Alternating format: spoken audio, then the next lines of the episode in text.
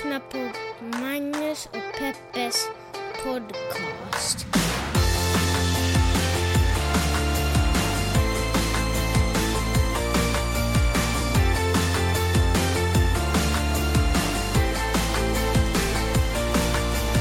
Hallå internet och hjärtligt välkomna hoppas jag att ni känner er till podcasten som heter Magnus och Peppes podcast. Icke att förväxlas med vår konkurrent som Peppe försöker sälja in som heter Peppe och Magnus podcast med din helt annan podcast.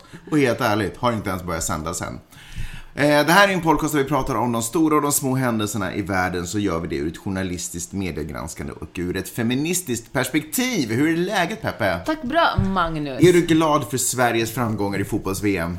Otroligt glad. Men alltså kan vi snacka om hur sjukt det är att Sverige är i kvartsfinal och ska möta England. Ett land de till och med potentiellt skulle klara av att slå. Det, är, det betyder ju en semifinal. Alltså det Du är där än alltså? Nej, det är jag verkligen inte. Men alltså, jag ser, alltså om de hade mött Brasilien nu, då hade man varit sådär, tack för en kul resa. Eh, jag ser fram emot den här matchen där Sverige möter Brasilien, men väldigt låga förväntningar på hur det kommer gå. Men här känns det ändå som att spänningen är fortfarande kvar. Okej, nu när vi har tappat ungefär 70% av våra lyssnare. Nej! Låt mig ta det tillbaka till eh, temat för vår podcast, nämligen journalistik, mediegranskning och feminism. Så skulle jag vilja prata om, är inte, alltså, tack vare fotboll och sådana här stora sportevenemang så lever ju gammel-tv. Alltså om sporten skulle dö, det skulle, då skulle det liksom inte finnas någon som helst anledning att titta på, på gammel-tv. För nu samlas vi ju liksom runt de här tv-apparaterna igen. Nu är det ju, nu tar det tillbaka till så som det var en gång i tiden där vi satt kring lägereldar och, och berättade historier och delade upplevelser med varandra. Nu har vi ju liksom, kom, förstår du vad jag menar? Jag förstår precis, det är precis vad du menar. Det väl bara Melodifestivalen och... eh, Ja, melodi- Fotbolls-VM. Borderline Melodifestivalen, men fine. Jag, jag, folk samlas ju inte på krogar och du vet, öppna fält. men är det viktigt att man kollar på TV tillsammans? Nej. Ja, Är nej. det som att äta middag tillsammans? Jag vet inte, vad är viktigt? Peppe, vad är viktigt egentligen? Kärleken, Magnus. Kärleken är viktig, det är sant. Nej, men det är ju en fantastisk upplevelse. Det kan man väl ändå konstatera. Att göra saker och ting tillsammans. Det är ju Mm. Ja, det är faktiskt magiskt. Det var ju så himla grymt när ehm, Eh eh, eh, eh, eh, spel, eh, Sverige spelade mot Mexiko och så gick jag ner till elverket och så liksom massa främmande människor.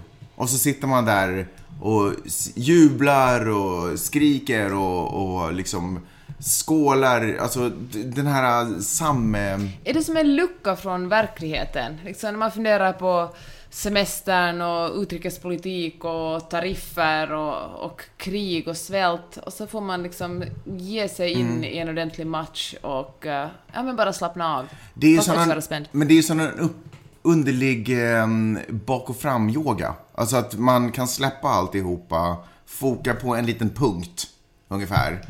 Och så tittar vi alla på den tillsammans och bara känner det vi känner. Förstår du vad jag menar? Namaste. Namaste.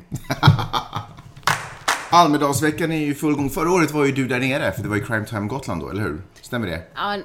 Ja, alltså jag var nere i Visby i augusti. Oh. Ja, det var... Men det är i alla fall samma, det Crime Time samma Gotland då? stad. Ja. Okej, det var inte under Almedalsveckan Nej. som Crime Time Gotland. Okej. Anywho's, har du hängt med i Almedalsveckan? Ja men sådär, jag såg att det är nazister som demonstrerar. Mm. Och så såg jag att äh, före detta kriminella hade bildat en mur kring nazisterna och skydda vanligt folk. Jaså? Det var otroligt fint. Oj. Ja men riktigt stora karlar, såna som man inte... Stora karlar! Ja. ja men där stod de och var skalliga och liksom hade nacktatueringar Okej. och, äh, och bara var hotfulla gentemot de där äckliga nazisterna. Wow, vilken inte positiv utveckling. Fast kul initiativ, men inte, verkligen inte åt det hållet vi vill föra samhället. Alltså vi kan ju inte bygga, förstår du vad jag menar? Men det här är väl inte som i USA, att är man en gång en dömd brottsling får man aldrig mera rösta eller leva i samhället. Det här var ju folk som inte längre är kriminella, som känner att nu vill de ge tillbaka någonting i Jo, jag samhället vet, fast vi vill ju inte skydda- liksom, vi vill ju inte skydda oss mot ett medborgargarde med ett annat medborgargarde. Ja, men... Jag hade ju hoppats på att poliser hade kunnat stå där och skydda vanliga. Ja, det är ju drömmen.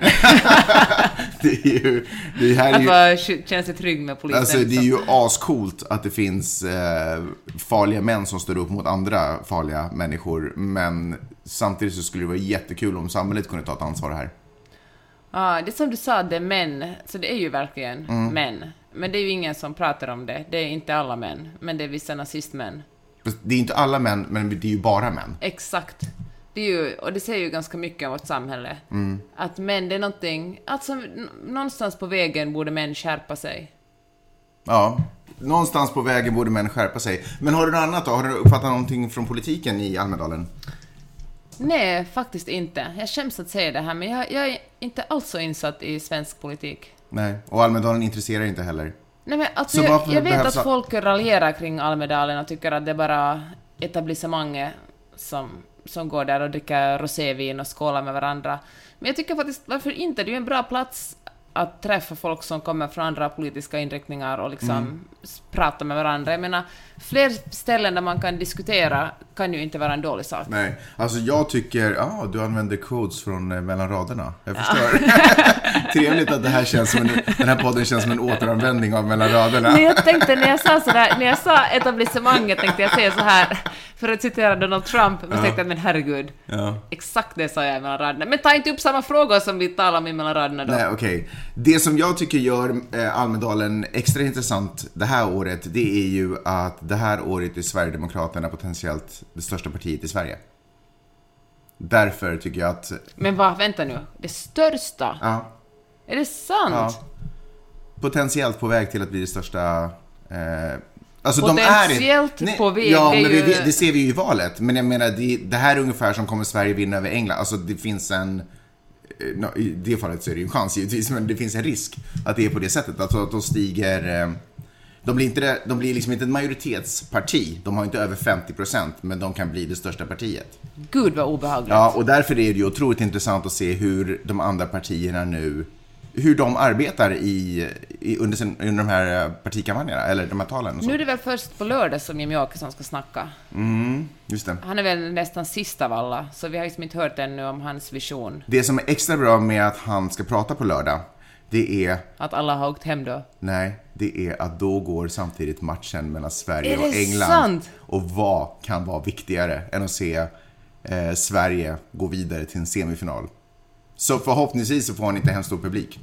Nej, men jag känner också att är det, är det en avgörande sak hur stor publik man har? Nej, nej det är det inte. Men, Nej. men att, hans, att, att nyheterna kanske lite dominerar snarare än fotboll än vad hans eh, hatpropaganda. ja. Så. Eh, men det är ju kul att se hur partierna ändå lite har profilerat sig. Jag har inte stenkoll på vad alla partier har jobbat, men jag vet till exempel att Liberalerna de har ju börjat jobba lite mer, och nu är det som att jag, vi, nej men alltså inte så. Det märks ska- att du har börjat jobba på Nyhetsmorgon. Ja, jag vet. Tok, fokus du bara. Peppe, ska vi ta lite inrikespolitik? Nej men för Liberalerna till, till exempel, de vill ju prata mycket om, eh, ta upp andra frågor än invandringspolitik och sådana saker. För det är ju det som är Sverigedemokraternas starka liksom, häst. För att alla är så rädda för att det ska komma in andra kulturer och bort med det, att det svenska ska försvinna. Eh, men samtidigt så är ju också Sverigedemokraterna ett av de partierna som vill gå ut ur EU. Det är ju så otroligt dumt. Och som vill liksom få upp en folkomröstning till att vi inte ska vara i EU. Och det är ju helt sinnessjukt. Det är ju Men helt kolla horribelt. på, jag menar, kolla på Storbritannien. Ja. Alltså Nej, hur går alltså- det för... Hur, alltså de har inte ens gått ur ännu. Nej men Sverige är ju dessutom bundna till massvis med handelsavtal. Alltså det funkar, men tänk hela landsbygden, alla bönder, alla bidrag som de har tagit. Alltså det är bara fantasi. Det, går, det är liksom sinnessjukt. Vilket fall som helst. Det här delar i och för sig också Sverigedemokraterna med Vänsterpartiet. Så det kan ju värt att komma ihåg det. Att de här två eh, eh, liksom falangerna ändå har det gemensamt. Men det tycker jag är ändå ganska smart av eh, då Liberalerna och kanske också något annat mittenparti att ändå ta den diskussionen. För det kan ju vara bra för folk att veta att en röst på det är också en röst på en, en röst ut från EU. Och det är liksom inte en väg vi vill gå. Var inte någon som ville rösta om att Sverige skulle med, gå med i euron också? Eh, det känner jag inte till. Det måste jag gå tillbaka till redaktionen och kolla upp. Jag har inte fått information. Fråga researcher. Jag har, inte fått, jag har inte fått information om det än. Eh, Socialdemokraterna vill fokusera mer på äldrevården. Fick jag höra. Eh, Stefan Löfven, när, det, när vi spelade in det här så var det hans dag, så är det Socialdemokraternas dag idag i Almedalen. Nej, men det är kul, jag tycker det är spännande att se hur de börjar profilera sig, för nu är det ju liksom Det är inte så långt kvar till valet. inte alls. Två månader va? Ja, ish. Är det inte september? Ja. ja. Vad är det för juli, augusti, september? Ja, bra. Jag måste räkna på fingrarna. ja, jag tycker i alla fall att det är spännande. Jag önskar att jag hade fått vara där nere och titta. Någon gång skulle vi åka till Almedalen. Men det ska vara helt ärlig, av alla gånger man ska kunna åka till Almedalen så är det ju det här året och det är riksdagsval. Det är då man vill vara där, för då är ju alla partier on edge. Mm, det kommer ett nytt Magnus. Ett nytt riksdagsval, ja. Ja. Det stämmer i och för sig. Eh, Så jag antar att du inte heller tittar på TV4-sändningarna från Almedalen heller? Jag tänkte, eftersom det ändå, vi granskar media, hur tycker du att vi har skött oss? Inga kommentarer på det? Kolla nästa vecka, älskling. Okej. Vi var ju på världens roligaste fest i Ja, helgen. det stämmer. Jag har egentligen, det här är tror jag första heldagen utan träningsverk.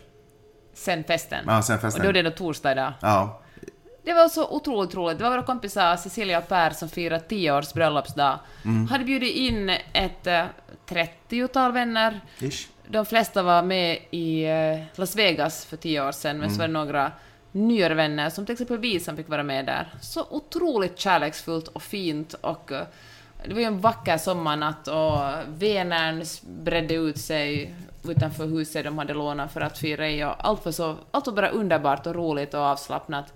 Och så gjorde de ett sånt genidrag. De hade, förutom att de hade en, en jättebra DJ, så börja, efter middagen började själva festen med en danstävling. Och det var obligatoriskt att vara med, alla måste vara med. Vilket ledde till att eh, folks, eh, men folk blev ju ganska tävlingsinriktade på dansgolvet gjorde sina crazigaste moves. Och ingen ville åka ut. Alltså, Och all form av dans var tillåten. Man behövde liksom inte vara musikaldansare för att kunna vara med, utan man fick fuldansa bara man gjorde det av hjärtans lust. ja. Och så, det gick ju ganska bra för dig, Magnus. Ja, bra, bra. Du kom väl på fjärde plats ungefär. någonting sånt. Ja. Och, men efter det här så var ju folk så inne i dansande. Det var en sån förnedring att bli, att liksom bli utslängd från, från den här dansgruppen. Så, så fort... Hur kändes det att få en klapp på axeln? Ja, det borde väl du veta? Nej, jag var så himla trött och bort, så jag var bara tacksam. Så jag, jag ramlade av Får jag dansgolvet. säga att det är ganska bra för mig också. Jag tror Ja. jag var den sista kvinnan, eller näst sista kvinnan i dansen. Ja, Men, äh, det kändes ju... borde skrivas en bok om det ögonblicket. Ja, verkligen. Det var så hemskt, Magnus. Det var så hemskt. Men efter det hade alla liksom gjort sina dance moves, så det fanns ingenting att skämmas för. Tvärtom ville man bara tillbaka upp på dansgolvet och dansa vidare. Mm. Ja, polera lite på vissa moves. det, Ja, Exakt, folk som en revansch. ja. Och det så, efter det dansade vi ju mellan klockan kanske 8-9 på kvällen till klockan 3 på morgonen. Ja. Dansar folk hela tiden. Mm. Jag var tvungen att gå och fråga de som hade huset om de hade en handduk att låna till mig, för jag var så jäkla svettig. Och då är det sån träningsvärk i vaderna. Ja. Den kom, och den, den är, nej idag. Idag är första dagen utan träningsvärk, alltså torsdag. Eh, Ja, nej men alltså dans. Det, så länge sedan som man körde en all-nighter. Jag tror att senaste gången jag dansade var ju på typ en gayklubb på 90-talet eller någonting. Som jag verkligen körde en all-nighter. Alltså underbart. Alltså jag älskar Karlstad nu. Ja. Det var en så fin sommarstad med vatten överallt och dans på nätterna och glada människor och... Ja men allt var bara bra. Jag gillar hur vi sammanfattar ett Karlstad-liv till den här natten. Men så gör de väl alltid.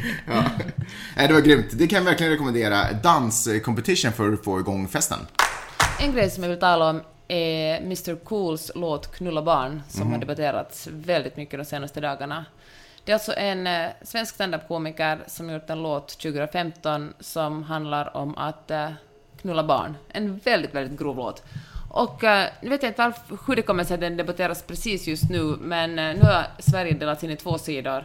En eh, stand-up-komiker och så att säga det fria ordets eh, eh, riddare som står Oj. på den ena sidan, och en annan sida... Väktare kanske, eller? Ja, väktare kanske är rätt ord. Och en annan där eh, människor som, eh, som tycker att det är otroligt osmakligt att skoja om att knulla barn.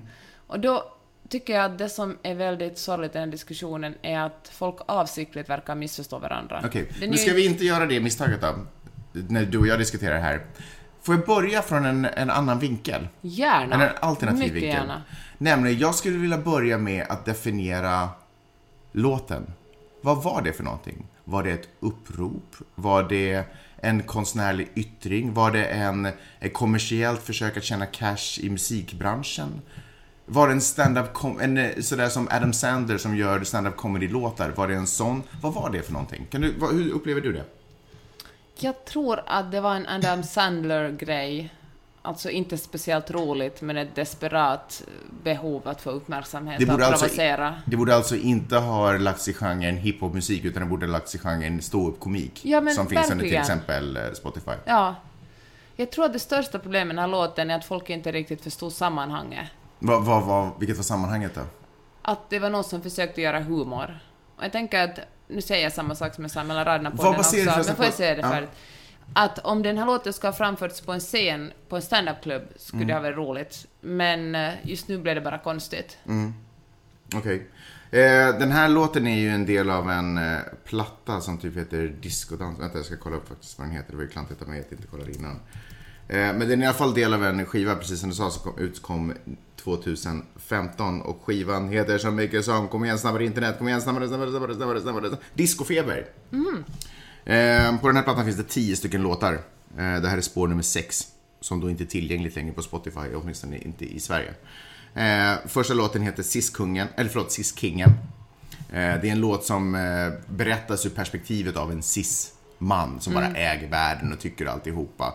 Eh, dricker öl och bara håller på och härjar. En ganska tydlig diss till cis-mannen och cis-mannens självklara och vedervärdiga beteende. Det känner jag att, eh, för att nu komma in som humorpolisen här, det känns ju roligt eftersom han som framför den, Mr Cool, är så tydligt en cis-man själv. Mm, precis. Men man kan ju vara mer eller mindre, man kan ju mer eller mindre spela och utnyttja det. Liksom man behöver, jag är ju också en cis-man. Men jag kan ju ändå känna att det finns problem med patriarkatet och känna att det finns saker i det som behöver justeras. För att det ska bli rättvisare plats för allihopa. Sen finns det en annan låt, eh, faktiskt låten efter, eh, som eh, på spår nummer sju som heter Rätt i röven. Som handlar om att eh, olika tjejer har olika preferenser i eh, sovrummet. Men det de alla har gemensamt är att de vill ha, gillar analsex. Och det stämmer ju. Så man skulle säga att det är mer av en faktabaserad låt då. det är så absurt. Det är så absurt, förlåt att jag skrattar, men det är så absurt. Ehm, men det, det det också känns som är en otroligt tydlig kommentar till den fixeringen eh, på analsex som, eh, som jag vet till exempel ganska unga människor lider av, eller liksom sådär, inte, inte lider kanske, men ändå inte vet hur de ska förhålla sig till. När man försöker kliva ut i sexlivet och de pojkar de träffar har bara fått sina erfarenheter av att titta på porr och där är det bara analsex och hur ska man liksom, hur ska man få ett, hur ska man skapa ett vettigt sexliv med, liksom utifrån På basen av analsex. på basen av porr. Kanske rakt upp och ner. Ja, och så några andra låtar. Men jag känner igen att Jag har inte lyssnat på alla låtar, men så finns den här är knulla ju en... eh, som helhet förstår man ju att, den är, att det är satir. Och jag tror faktiskt... Mm. Får jag, får jag bara säga en sak till? Jo, men det är för att jag var Ja, inte klar ja, med säg, säg, presentationen skivan. Jag försöker sätta den här Ja. låten också i ett Ja, sammanhang. Okej. För att det var ju det som du också lite efterlyste. Du tyckte att det inte riktigt pratades om det ur rätt sammanhang. Eh, rätt perspektiv. Eh, I Sis-kingen så finns det en rad där han, eh, där den Sis-kingen pratar med en annan snubbe och så säger han så här, Åh, gillar du också att våldta småbarn? Eh, och så säger han, absolut, det gör jag också. Bra, och så fortsätter liksom låten. Mm. Så den här, den här meningen finns, så det är uppenbarligen något som man har funderat Mm. på. Eh, ett problem på något sätt, liksom, mm. något som symboliserar den här, det här samhället vi lever i. Så nu är jag klar, för det har vi fått ett sammanhang. Jag är säker på att alla som kritiserar den här låten fattar att det är satir. Att det inte är någon slags uppvigling till pedofili. Så vad är problemet då? Att de har väl fortfarande rätt att säga att det här är jävligt dåligt. Jag vill inte att mina barn som inte fattar att det är satir, som kanske inte ens fattar konceptet av satir, lyssnar på det här på Spotify. Kan du, som jobbar på Spotify, vara snäll och ta ner det? Jag tycker att de har all rätt att, att göra det, att man har all rätt att diskutera och säga att det här är otroligt Men osmakligt. vänta, ska Spotify vara barnvänligt alltså? Ja, i det här fallet tycker jag att I det här ska vara... fallet? Ja, jag tycker att de har rätt, precis som man har rätt att... ehm, jag menar, skulle den här låten till exempel handla om att, eh, att ha ihjäl judar, eller att ha ihjäl mörkhyade, eller att alla... Någon slags Det otroligt finns ju massvis med hiphop-låtar som handlar om att ha ihjäl mörkhyade. Ja, men de skrivna av vita människor. Nej. Ja, det är just det som är skillnaden. Jag menar, det är ju... Mm. Men det är väl ändå handlar tragiskt om- våld, liksom. Det är ju också, det är klart det är tragiskt våld, men, men det handlar ju jättemycket om vem som är avsändaren. Och jag tänker att när en, en, en kille är avsändare och eh, som jag förstått det är det flest män som förgriper sig på barn, blir det, ja men det blir jättekonstigt att förklara för sina barn vad det egentligen handlar om. Och då tycker jag att, utan att välja sig i det, jag tycker jag önskar, att, jag önskar att man skulle diskutera den här saken utan det att omedelbart välja sida. Så det här är problematiskt därför att det är barn som kanske lyssnar på den här låten? Vänta, jag, det är en orsak. Ja, det, jag mm. förstår mycket väl kritiken. Jag Ja, förstår att ja, Elaine. Eksvärd, vars pappa har utnyttjat henne medan det att hon var två år, hon skrev en bok om det, Mm. med att hon var två år tills hon blev eh, snart tonåring. Jag förstår att hon tycker, och att hon säger att det här är så otroligt osmakligt. Den här hör inte den här hör inte, jag vill inte att något barn ska utsättas för det här eftersom Mm. det är så pass vanligt att barn verkligen blir sexuellt utnyttjade. Därför är det inte roligt. Mm. Och då tänker jag att vi har också en större, ett, alltså vi har en, jag tror att vi har en större tendens att förlåta någonting som kommer från en cool stand-up-komiker. Och jag kan förstå alla de här krönikörerna som nu försvarar, försvarar Mr Cool och säger att han måste få säga det han vill, yttrandefrihet, det här leder till att eh, censur... Folk fattar ju inte heller vad censur betyder. Censur är någonting som staten gör, som säger att det här, som bestämmer, det här, får ni, det här kommer inte att få visas eller ni får inte lyssna till det här. Att kritisera någonting är inte samma sak som censur. Att kräva att någonting tas bort från en kom kommersiell eh, eh, eh, streamingservice. Det är inte censur, det är konsumenterna har ju all rätt att kräva och sen det är företagets rå- rätt att bestämma om de lyssnar på konsumenten eller inte.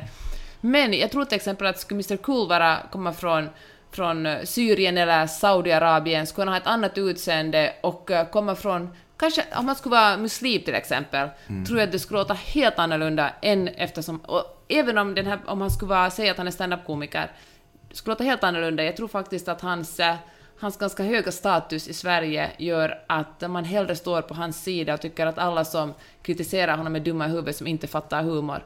Och det är kanske det som jag tycker är störande. Jag vet inte heller själv vad jag tycker att man ska få, att ska man få skriva sådana låtar eller inte. Jag vill liksom inte ta någon sida, men jag tycker bara att själva debatten är så otroligt dum. Jag tycker det är så otroligt dumt att folk skriker drev åt varandra. Så fort någon kritiserar någon och är fler än två personer är det ett jävla drev. Herregud, kan inte vi alla sätta oss ner och prata om det här som vettiga människor och tillsammans försöka komma fram till någonting?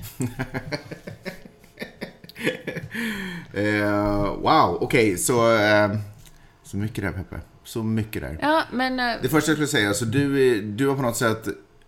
Den här eh, diskussionen kring låten har, har fått dig i sin tur att tänka att var frustrerande att folk skriker bre, drev åt varandra. Ja, eh, bland och, annat och inte tar diskussioner utan anklagar varandra för att försöka censurera varandra. Och jag tror att folk verkligen avsiktligt missför, missförstår varandra eftersom man vill göra motståndarsidan dum i huvudet. Så då tar man kanske en liten del av någonting på fel sida, för då är den andra sidan som någon har sagt, och så blåser man upp det till något stort och tar det som exempel. Kolla, alla ni på den sidan är helt dumma i huvudet. Istället för att försöka mötas och säga att, att eh, så här tycker jag, jaha, men kan du förklara vad du tycker? Sen kanske man till och med kan ändra sig. Vet du vad jag tycker? Ja, nej. Nej, jag vet faktiskt inte. Är du lite nyfiken? Jätte. För ett av de här problemen är ju att vi inte vet vad baktanken var. Förstår du vad jag menar? Det är upp till tolkning. Så vissa skriker det här är humor. Andra skriker det här är politisk satir eller samhällskritik eller samhällssatir. Andra skriver att det här, andra skriker att det här är vidrigt. Det här är ju ett upprop till någonting som jag själv har blivit utsatt för och det är ju vidrigt att bete sig på det sättet. Men vi, får all, vi, har, vi har liksom inte fått höra De har ju vad... gått ut med en kommentar. Ja, jag vet, de- fast det var ju en skämtkommentar också. Exakt, som i och för sig var ganska rolig, Ja, men, men... Får jag, men får jag bara ändå säga att jag tycker att en av de stora problemen är här att eh, personen bakom låten inte har tagit ansvar för sitt verk. Jag vet inte, jag vet inte om det här är en humorist eller om det här är någonting på riktigt, om det här snubben har fel i huvudet. Så vi kan bara spekulera. Och det är klart, när vi sitter och spekulerar, då blir det ju som att vad menade Trump egentligen? Eller vad, vad betyder den här meningen i Bibeln egentligen? Är det, är det vi ska stena alla dem, eller är det att bögar är tillåtna, eller är det inte det? Eller är det att Gud älskar alla, eller vad är det? Är vi förlåtna? Vad fan är det som händer? Jo, jag tycker så, jag tycker så, så. Så det jag tycker är problemet här är att han in... Och det tycker jag är fegt. Det tycker jag är otroligt lågt. För som konstnär, om det här är ett konstnärligt uttryck, så tar man ju ansvar för vad man gör. Man kan absolut säga att det du känner, det kan vara en del av konstverkets upplevelse, meningen med konstverk. Men då, då, om det blir en sån här situation, då måste man ju ta ansvar för vad man gör. Då måste han tala om, utan komik, lämna satin åt sidan, bara prata, vad är det här för någonting? Vad är det du menar med det här? Är det här en samhällskommentar? Men bra, då kan vi förhålla oss till det. Fan vad bra Magnus. Då behöver vi inte hålla på och spekulera kring humor och någonting. Ja. Då tittar vi på samhällskommentaren istället. Så här tänker jag, tänk om, om han var en förlåt att jag kör whataboutism nu här, men om han var en kvinna, tänk om han till exempel var Valerie Solanas, som gjorde ett konstprojekt där hon uh, grundade ett manifest som heter Skam, Society for Cutting Up Men, och uh, sa att hon önskar verkligen att, att alla män ska dödas för att männen förstör livet för oss alla andra här.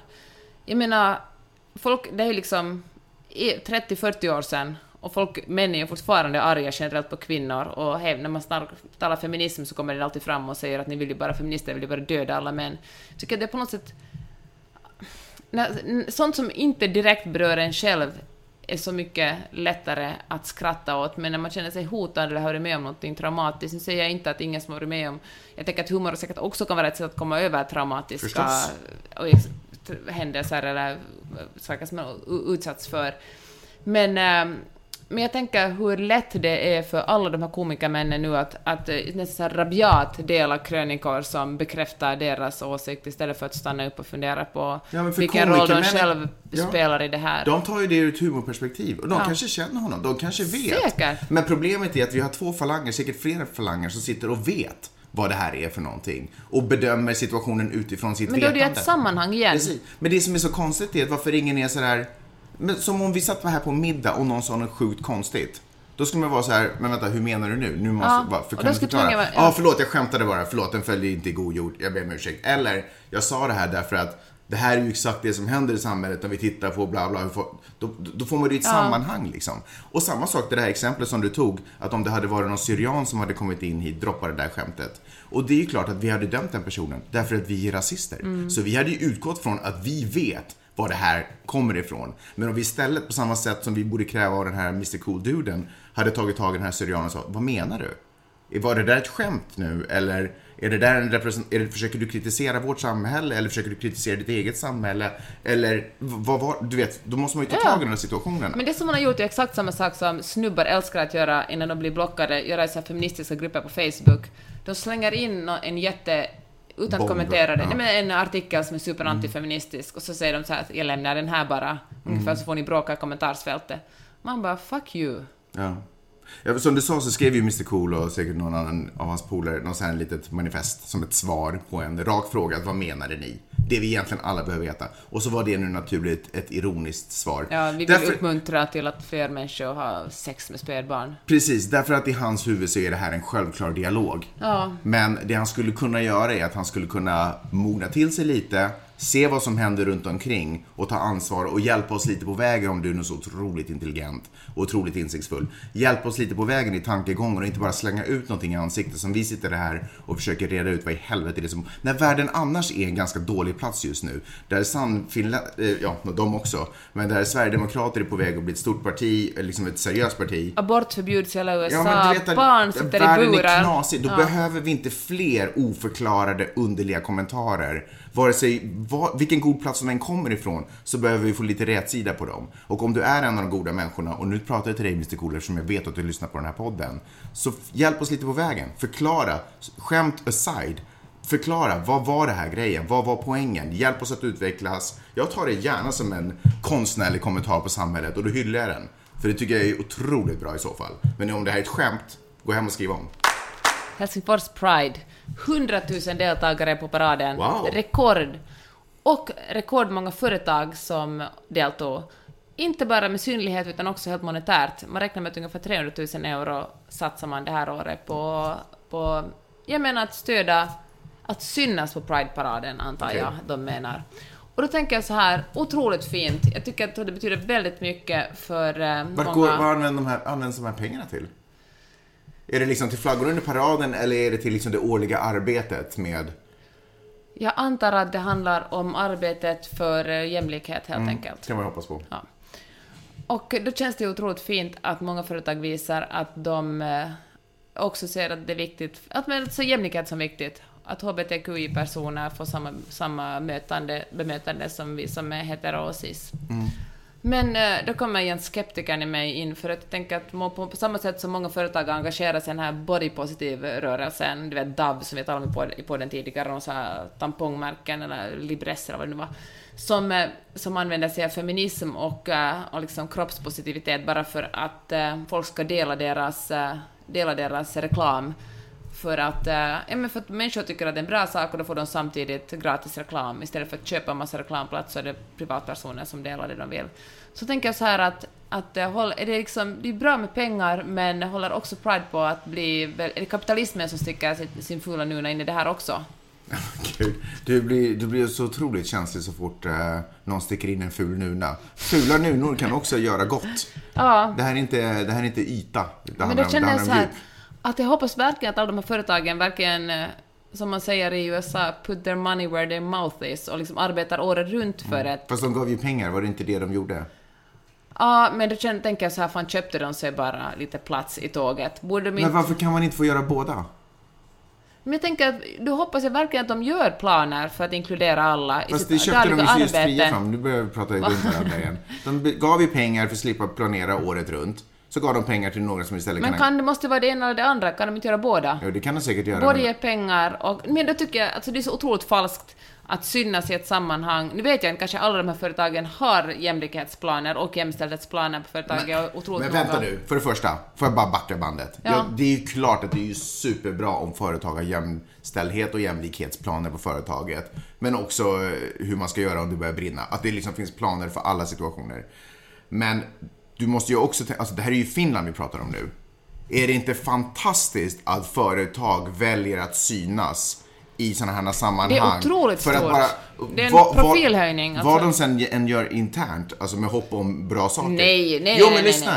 Men lyssna, men jag säger inte vad som helst. Jag menar inte att de syns där och sen sparkar homosexuella för att de är homosexuella. Det blir konstigt. Men förstår vad jag menar? Om de ändå bara har ett vanligt företag så är det väl asbra om de ändå syns i de här sammanhangen och visar... Vadå att- ändå bara har ett vanligt företag? Vad betyder det? Nej men förstår du inte... Bara vad- sådär halvrasistiskt Nej men varför, krä... varför kräver du mer av de företag som syns i paraden de som Därför- inte syns i paraden? Därför att de har visat att de är för Pride, att de är för allas lika rättigheter. Ja. Då är det väl det minsta man kan kräva att de ska... Kan jag också bara få göra ett att de ska där? göra det de säger. Mm. Får jag göra ett litet tillägg där? Nå? Pride betyder inte lika rättigheter för alla. Pride är ju en HBTQ-rörelse och det är en manifestation i det. Det finns sjukt rasistiskt homosexuella också. Det här är inte, en rö- det här är inte ett tåg som, som är öppet för, eller liksom, som, är, som manifesterar att alla ska ha det bra på jorden. Va? Vänta nu, vad, vad betyder det där? Nu förstår jag ingenting. Nej men för man säger, man, man säger ofta det att åh, eh, lika rättigheter och det är det som är fantastiskt med Pride. Men det är det ju inte. Det är ju inte, en, det är inte ett sånt tåg. Lika rättigheter för HBTQI-personer. Eh, exakt. Men vadå, måste... måste Men du sa för alla. Jag bara ville Nej, men förtydliga. herregud, nej, men, nej men för att jag tycker det är ganska bra. För jag tror att till exempel när du ändå pratar om vad företag sätter sina pengar på. Jag tror att man köper liksom, man kan köpa sig, jag tror att man upplever att man köper sig fri från ganska mycket. Eh, när det kommer till liksom ondska och mörker på jorden genom att ge pengar till, HBT, till liksom Pride-rörelsen. Men det gör man inte per def, liksom Men vadå, ska. Pride-rörelsen vara någon ta avlatsbrev? Nej, nej, nej, så om man köper sig in där, då kan man lugnt gå hem och... men jag tror att vissa företag gör det. Precis på samma sätt som jag skänker pengar till Röda Korset för att jag ska slippa bry mig om någonting dåligt som händer på jorden. Ja, jag tycker, det, jag jag tycker i alla fall det är vidrigt. Jag tycker att är man med... Vidrigt? Vänta, vadå vidrigt? Vill man synas, vill man synas i Pride-paraden, då ska man fan också tillämpa jämle, jämlikhet och jämställdhetsmetoder på sitt företag. Punkt slut, nyckeln i kärn. det, det, det, det tycker inte jag. Ja, nej, nu avslutar jag den här diskussionen. jag plockar upp nyckeln i sjön, låser upp låset och säger några saker till. Jag tycker att det är, väl... Jag Jag hoppas vill att att... ni ska veta att Magnus gjorde en, en rörelse där han plockar upp den och... Eh, Jag tycker att det är väldigt viktigt och bra om man har program på sitt företag för hur sådana saker ska lösas. Men jag tycker också att det är en otroligt stark symbol i ett Finland idag att visa sitt eh, Så företagslogga. det får liksom räcka. Men herregud, det här liksom, sådana krav har man på Gud, företag. Det här är så här som när, när det, blir en, det blir en nyhet av att George Clooney bär sitt eget barn. Att han är en förebild för alla pappor ute i världen. Ja, det är det- liksom, hur, det- hur lågt kan man sänka ribban egentligen? Nej men fast okej, wow. Eh, nu vill jag ju verkligen prata om George Clooney-grejen. Ja. Eh, men, jag men ni fattar vad jag menar med. Jag tycker att det är en stark och fin symbol. Jag tycker också stark och fin symbol. Jag tycker att också faktiskt att George Clooney bär sitt barn är en otroligt stark och fin symbol. Därför att, Det borde finnas en staty på därför honom. att, därför att 99% av världens alla fäder gör inte det. Men vi kan kräva lite mer Vi av kan. dem. Vi Men- kan, vi kan inte hylla en vi. person som lyfter upp sitt eget barn. Vi kan liksom inte stanna upp och, och skicka blommor Fast åt det, honom. det har vi väl inte. Jag har, för mig har det i alla fall inte gått något telegram. Liksom. Nej men alltså, Men vi kan, man, det, det om man gör tidningsrubriker av... Men du är så här, du, det här, och det här Men du är... Jag har hört det här i flera poddar. I flera avsnitt har jag hört det här. Eh, av vår podd. Viskar du nu? Att du, ja, du har en tendens att tycka att när man väl gör något bra, då är inte det tillräckligt. Om man ska göra något bra, då ska man göra något så in i helvete bra så klockorna Men- stannar runt omkring i världen. Men herregud, är det för mycket? Nej! Det, det stämmer inte alls. Jag kan också irritera mig på det du säger just nu, att om man engagerar sig inom feminismen måste man också engagera sig inom uh, tusen andra, inom miljörörelsen och inom... Vad fan finns det för andra rörelser? Nej, det är den. Det, HBTQ-rörelsen är ju ett exempel som vi pratade om Ja. i det här avsnittet. Och jag kan också störa mig på det att om man gör någonting, men jag tycker att man måste ju kunna, man kan, att för ett företag har mycket pengar och köper sig reklamplats i, Ja, fast du pratar ju också om George Clooney, Pride-paraden. du pratar om alla Ja, nivåer. men det är ju en ännu värre. Då måste man kunna kräva någonting så enkelt som att de tillämpar det de förespråkar genom att vara med i Pride-paraden på sitt eget företag. Jag menar att George Clooney... Att en, nu förespråkar avbryt- man- ja, att George Clooney lyfter upp sitt eget barn Ja, men det kan ju tyckas inte vara en löjligt. För, det är ju otroligt löjligt. Ja, det kanske du tycker, Men- som har en fantastisk man som inte bara lyfter utan gör massa saker för barnen. Men du måste väl ändå förstå att utanför Nordens gränser så är det inte hemskt ofta det händer. Jag hörde sen, jag satt och klippte i en podd eh, idag senast faktiskt. Eh, där en eh, kvinna, som här vimmeldrottning typ i, i Stockholm, som heter Lotta Gray. Hon eh, är ju, hennes pappa var från Senegal tror jag. Hon, all, hon såg egentligen aldrig sin pappa för mamma lämnade, eller liksom skitsamma. Lång historia, lyssna på den podden, den är uppe nu.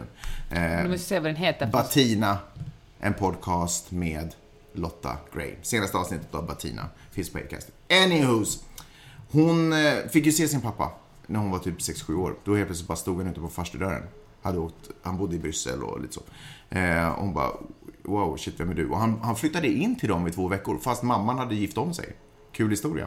Eh, men i det där hemmet så märkte då eh, Lotta, som var en liten flicka då, hon kanske var äldre än sex år, men i alla fall som var en liten flicka. Så märkte hon, eh, så, hon, hon berättade att hennes pappa satt och garvade. För att eh, Lottas mammas nya make stod och diskade. För han skulle aldrig i sitt liv ha stått och diskat. Och det här var inte 1744. Det här var en... Eh, han kommer i och för sig från någon form av, om jag förstått det hela rätt, någon senegalesisk överklass. Liksom, utbildade sig till diplomat i Bryssel, så det, han har ju levt ett bra liv. Så. Men jag tror att det är verkligheten för gan- ganska många familjer utanför våra eh, Men nu riksgränser. lever vi 2018. Ja, men förstår du att så stor genomslagskraft som bara den här podden har. Tänk dig genomslagskraft i världen som en handling som George Clooney har. Han är ju världsstjärna. Han är ju inte som du och Nej. jag som är fett stora i Stockholm och Helsingfors. Han är ju liksom stor i hela världen. Så om han gör en sån liten grej så sitter det folk typ i Kenya och bara The fuck happened there? Killen lyfter upp, håller i sitt barn. Förstår du inte att det är liksom, Nej, jag det är känner- stort? Eh, Men eh, okej, skulle han ha bytt en blöja? Skulle han ha gjort något ännu större skulle Skulle de bara... ett barn. Det skulle censureras. Det skulle men inte visas. nej, alltså nu, fördum, alltså nu, nu förminskar du alla män i världen. Ingen, alltså... Nej men, kom igen nu Peppe. Kom igen nu. dess, dessutom, har de tvi- dessutom har de ju tvillingar. Så liksom, ska hon gå och bära på två barn och han går före dem? Jag menar, Alltså, det, du jag kräver menar... stordåd av alla män eller alla företag som försöker göra något gott för världen. Du kan ju inte ens ställa in i diskmaskinen ordentligt. När du säger att du ska göra någonting, så då är det plötsligt inte viktigt att man gör någonting fantastiskt bra, fantastiskt stort. Jag tycker Ah! You lite... did not! Gick du gick du lite- inne på diskmaskinen? Jag tycker... Vet du hur mycket jag gör för den här familjen? Utan mig! Eller... Whatevs. Ja, eh, vad var det vi pratade om? Vi pratade om Pride-paraden. Ja. Kul att det Jag tycker att det är grymt att företag vill synas i positiva sammanhang och visa att de är en del av den nya världen. Där vi accepterar folk för oavsett vilken sexualitet de har. Ja, men så länge vi köper deras produkter. Nej, inte alls så länge. Det fanns, kom inte med sånt krav. Utan vi ser dem, inspirerar andra företag. Ja, det här verkar vara en bra grej. Det här vill vi göra. Kanske för att det säljer mer produkter. Superbra. Så vi köper företag, för vi är konsumenter. Vi väljer att köpa av, företag som, som är en del av den nya världen. Nu vill jag verkligen att någon som lyssnar på den här podden kommer med kommentar till vem som har rätt i den här frågan. Så länge ni håller med mig. Tack så hemskt mycket för att ni lyssnade den här veckan. Vi hörs nästa vecka igen. Ha det bra! Hej!